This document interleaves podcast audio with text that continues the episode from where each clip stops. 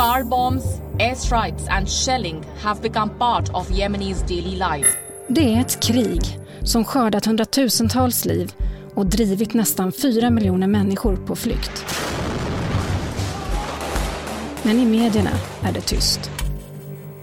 På en kvart får du veta hur Jemen blivit omvärldens dåliga samvete. Ska det bli ett fredsavtal, då är det två parter som måste delta i fredssamtalen. Och hur Sveriges utrikesminister ska lösa den blodiga konflikten. Men jag upplever inte att det är omöjligt. Jag heter Eva Johannesson och du lyssnar till dagens Story Sommarspecial. En podd från Svenska Dagbladet.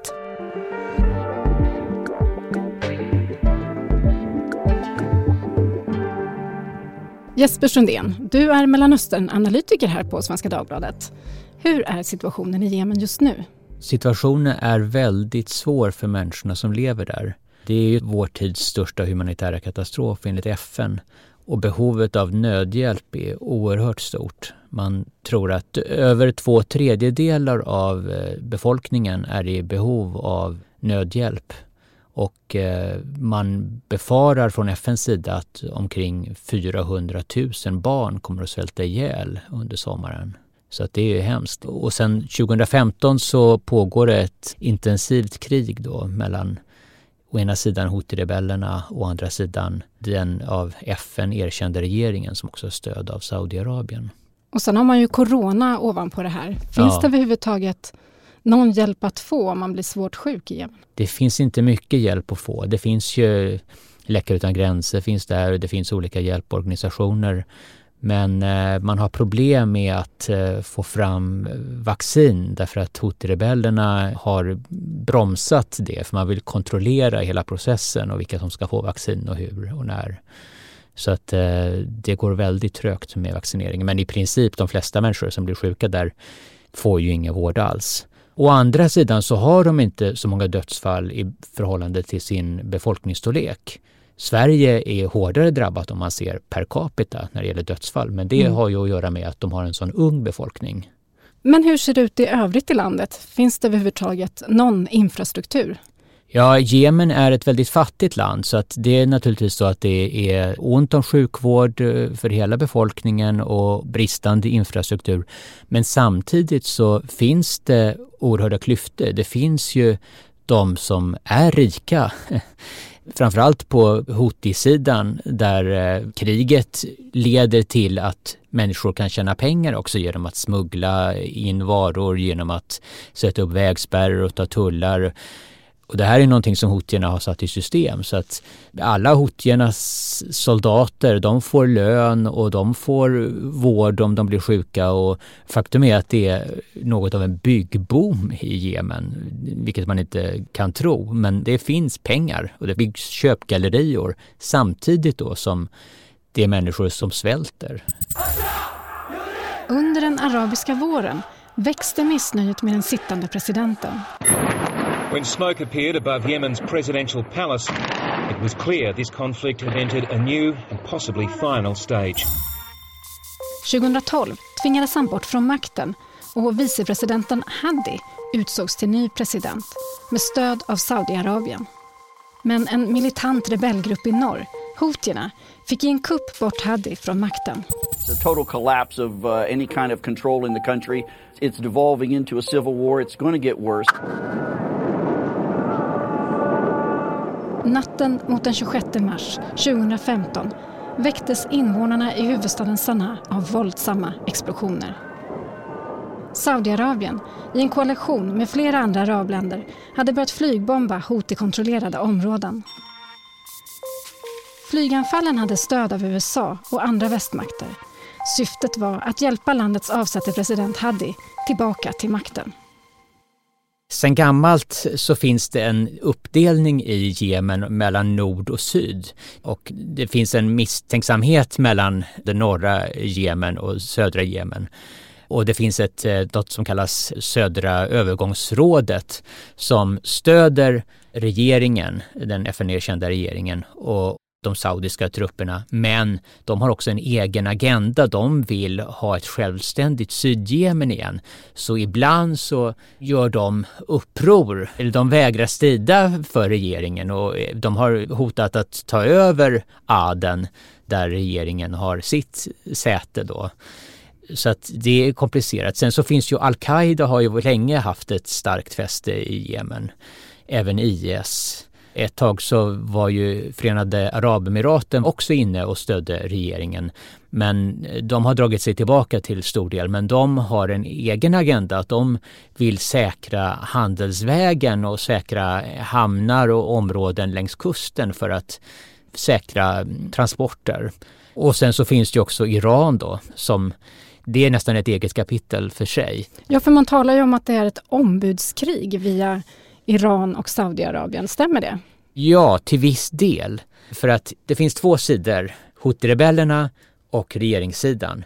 Houthi-rebellerna får stöd av Iran och regeringssidan får stöd av Saudiarabien. Och Saudiarabien och Iran, de är dödsfiender kan man säga. De kämpar om inflytandet och makten i hela Mellanöstern.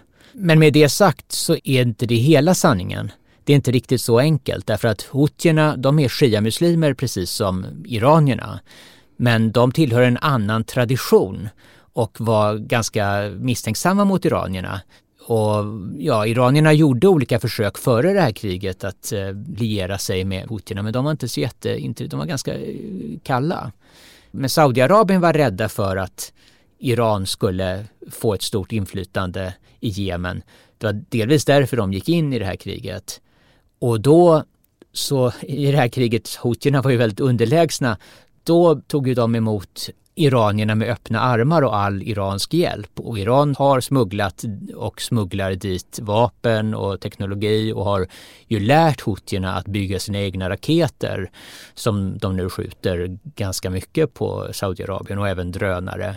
Så att det har blivit verkligen ett ombudskrig kan man säga. Men det finns fler dimensioner än så. Men saudiernas engagemang i det här kriget fick ju motsatt effekt. De var rädda för Iran och att Hutsi-rebellerna var understödda av dem. Och så kom det att bli ännu värre i och med ja, att de ja. gav sig in i konflikten. Ja, det var nog en stor missräkning för dem. När de gick in 2015 så trodde ju de att det skulle bli en ganska snabb, kort process.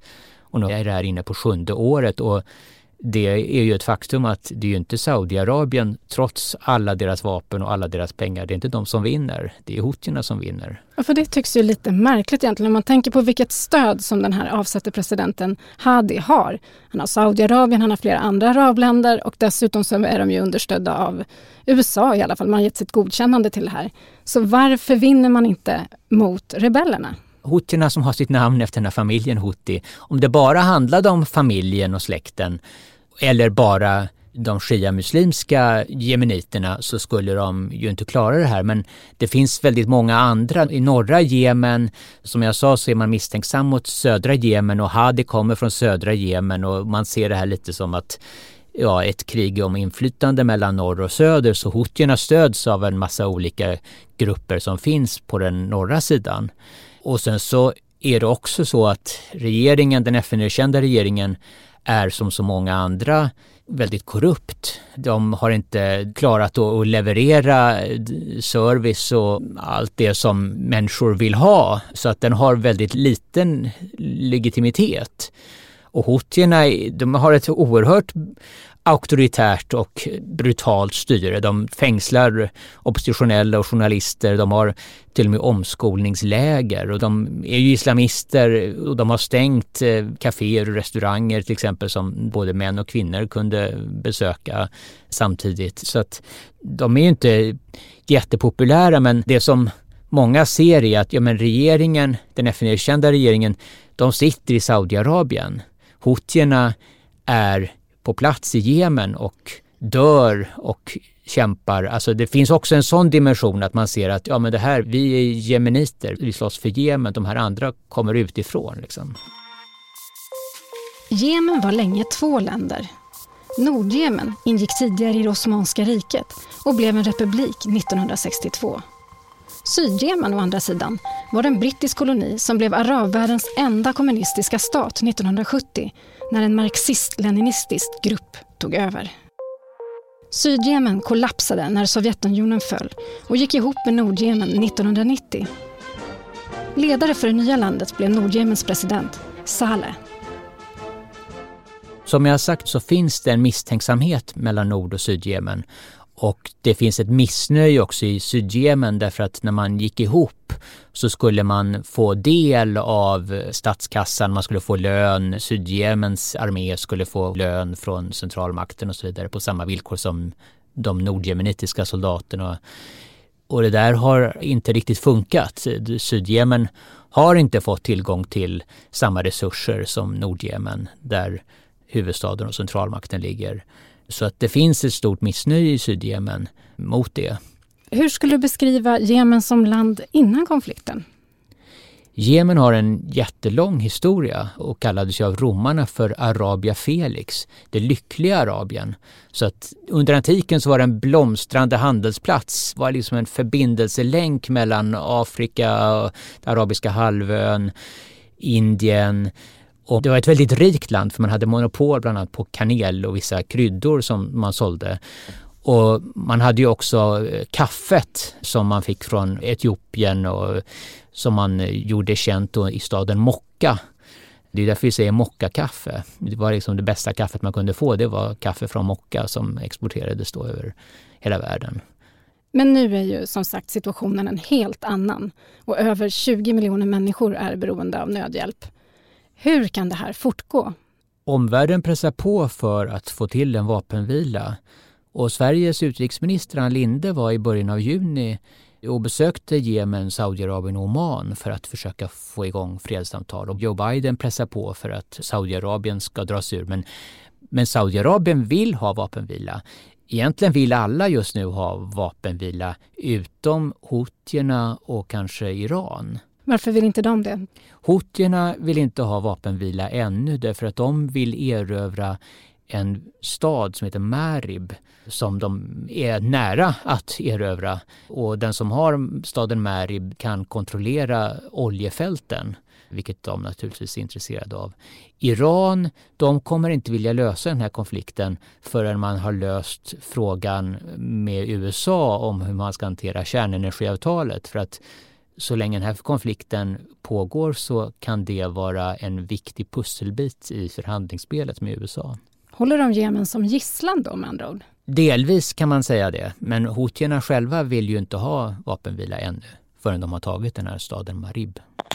En delegation som företräder Houthi-rebellerna som strider i Jemen har ikväll landat i Sverige för fredssamtal.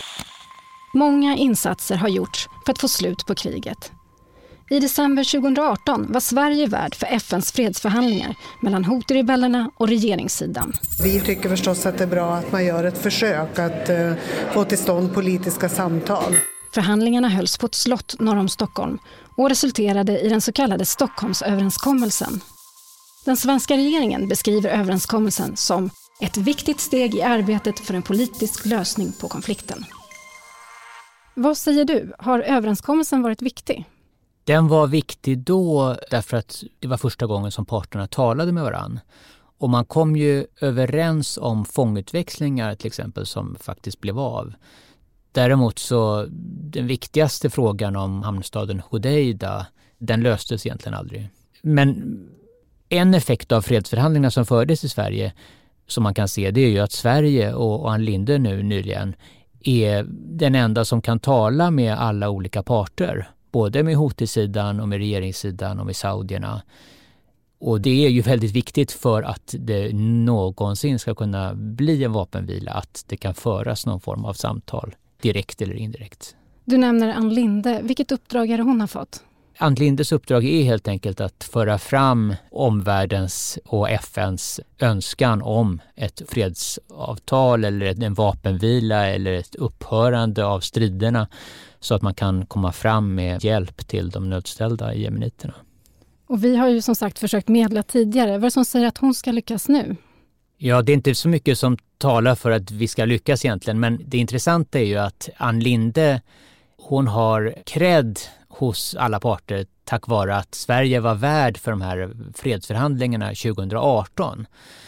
jag menar hela världen kan ju prata med saudierna och med den jemenitiska regeringen som sitter i Saudiarabien. Däremot är det inte lika lätt att få tala med hotierna och deras representanter och få dem att lyssna därför att de litar inte på så många.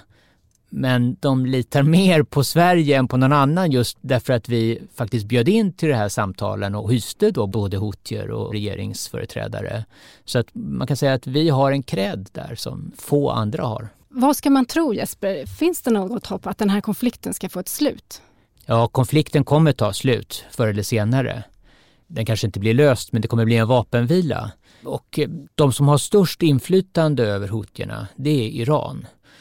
Och om det löser sig i förhandlingarna mellan USA och Iran om kärnenergiavtalet, då finns det gott hopp om att Iran också kan pressa hotierna att gå med på en vapenvila. Därför att då har de också ett intresse av att minska spänningarna. Parallellt pågår faktiskt också samtal mellan Saudiarabien och Iran i Bagdad. Så att det finns även försök där att minska spänningarna mellan dem, vilket också är en gynnsam faktor för att få till en vapenvila. Tack Jesper Sundén. Tack Eva.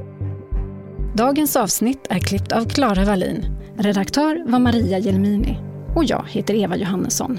Ljudklippen idag är hämtade från The Guardian News, Sveriges Radio, AFP, ABC News, CNN och så hörde vi Jemens nationalsång. Du har lyssnat på en sommarspecial från Dagens Story, en podd från Svenska Dagbladet. Ett ämne, 15 minuter. Och den 4 augusti är vi tillbaka som vanligt, varje vardag. Vill du kontakta oss så mejla till dagensstory.svd.se.